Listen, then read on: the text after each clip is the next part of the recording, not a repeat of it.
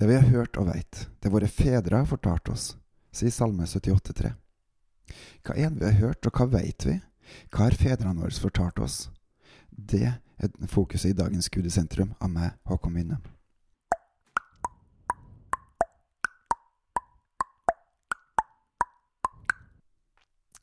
Se, han har slått klippa så vann veller fram og bekka strømmer over, men kan han også gi oss brød?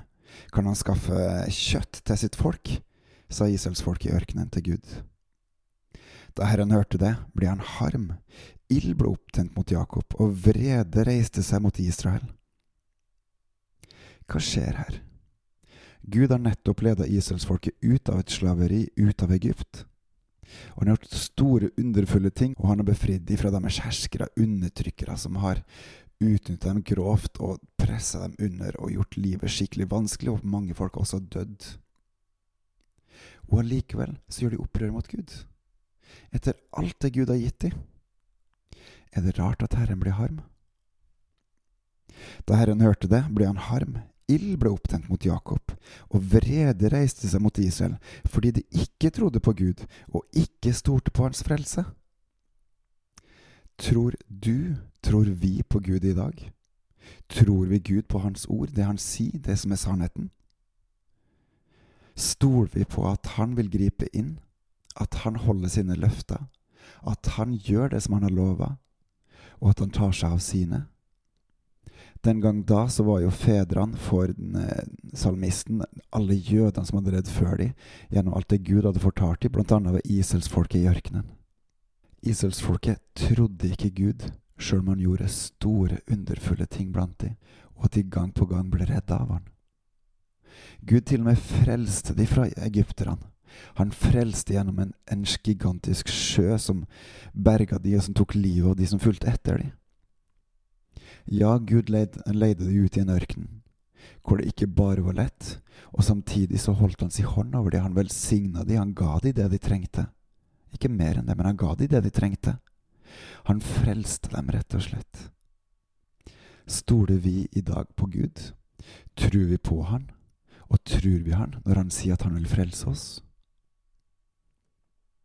Kanskje har vi forventninger som Israelsfolk om at han skal frelse oss på den måten vi vil, med at det skal bli sånn og sånn, vi vil ikke vandre i ørkenen her, vi vil ha det på den og den måten, man tror om han kan gi oss noe kjøtt og sånt.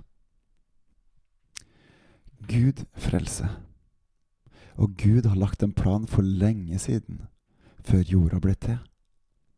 Og han frelser på sin måte. Hva vi vil, hva vi syns, hva vi skulle ønske at det var, er faktisk uviktig.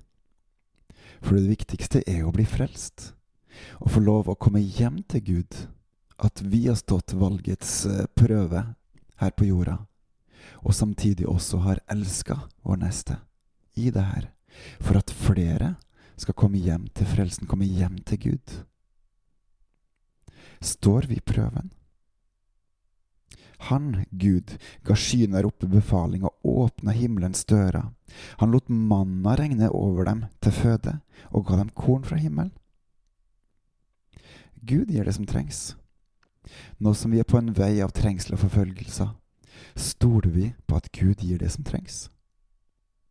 Nå som vi vil sannsynligvis miste ulike goder som vi har hatt en god stund, på ulike nivåer, stoler vi på at Gud frelser eller gjør vi oss opprør?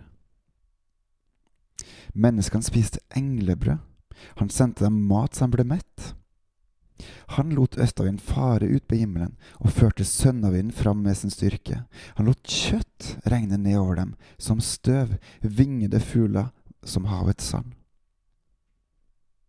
Hva er det egentlig vi trenger? Bortsett fra Gud, trenger vi alle de godene vi har i dag? Kan vi klare oss uten alt det som vi har blitt vant med, som kanskje også har vært med på å bidra til å sløve sinnene våre, og som vi kanskje også syns er så gode og tilfredsstillende at vi har blitt mer glad i de enn Gud? Hør, Gud tar seg av sine. Stol på Han og han gir deg det du trenger. Det andre trenger du egentlig ikke. Han lot kjøtt regne nedover dem som støv, vingende fugler som havets sand. Midt i leiren lot han dem falle, rundt omkring deres boliger. De åt og ble mer enn mette. Det de lysta etter, ga han dem. Og ja, Gud kan også gi oss av andre ting som vi egentlig ikke trenger, men som han likevel gir som en ekstra velsignelse. Bare legg merke til at det er ikke alltid det blir en velsignelse. Vi mennesker kan ha lyst på ting som vi tror vi har lyst på, som vi tror vi trenger, men det er ikke alltid at det er det vi trenger. Og attpåtil, vi skal ikke sette Gud på prøve, sånn som Jesus sa når han ble frista av djevelen. Vi skal ikke sette Gud på prøve, vi skal heller vende blikket vårt til Gud og si Gud, jeg tror på deg, jeg veit at du frelser. Det er vanskelig å stole på det alltid, men hjelp meg å legge mitt liv i dine hender og stole helt og fullt på deg. Til din ære. Amen.